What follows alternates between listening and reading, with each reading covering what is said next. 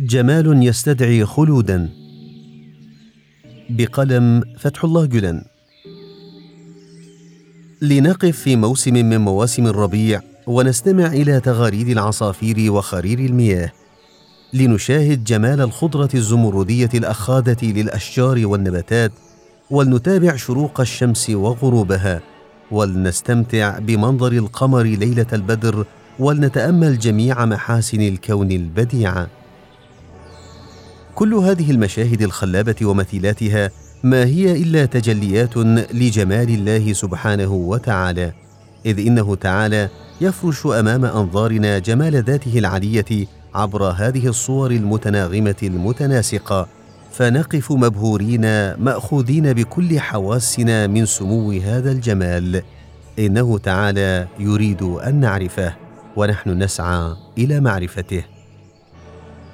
ولكن الجميل المتعالي سبحانه لو أسدل الستار علينا أثناء مشاهدتنا هذه المحاسن وتركنا في دياجير الحرمان لتحولت عندئذ النعمة إلى نقمة والمحبة إلى مصيبة والعقل إلى أداة عذاب ومعاناة. حاشاه أن يفعل سبحانه وتعالى ذلك ويستبدل الجمال بالقبح. أضف إلى أن الذي يجعل النعمة نعمة حقا ويفتح للعقل باب التلذذ بها إنما هو دوام تلك النعم. لذا فربنا العظيم سيفتح دارا أخرى لكي يطلعنا على جماله الأبدي والسرمدي ويبعثنا في تلك الدار ويكشف لنا عن نعمه الخالدة وجماله البديع وكماله الفريد.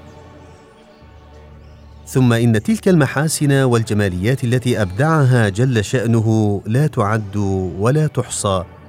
وهذا يستدعي عالما ابديا تصبح فيه هذه المحاسن العابرة من هذه الدنيا الفانية خالدة أبدية.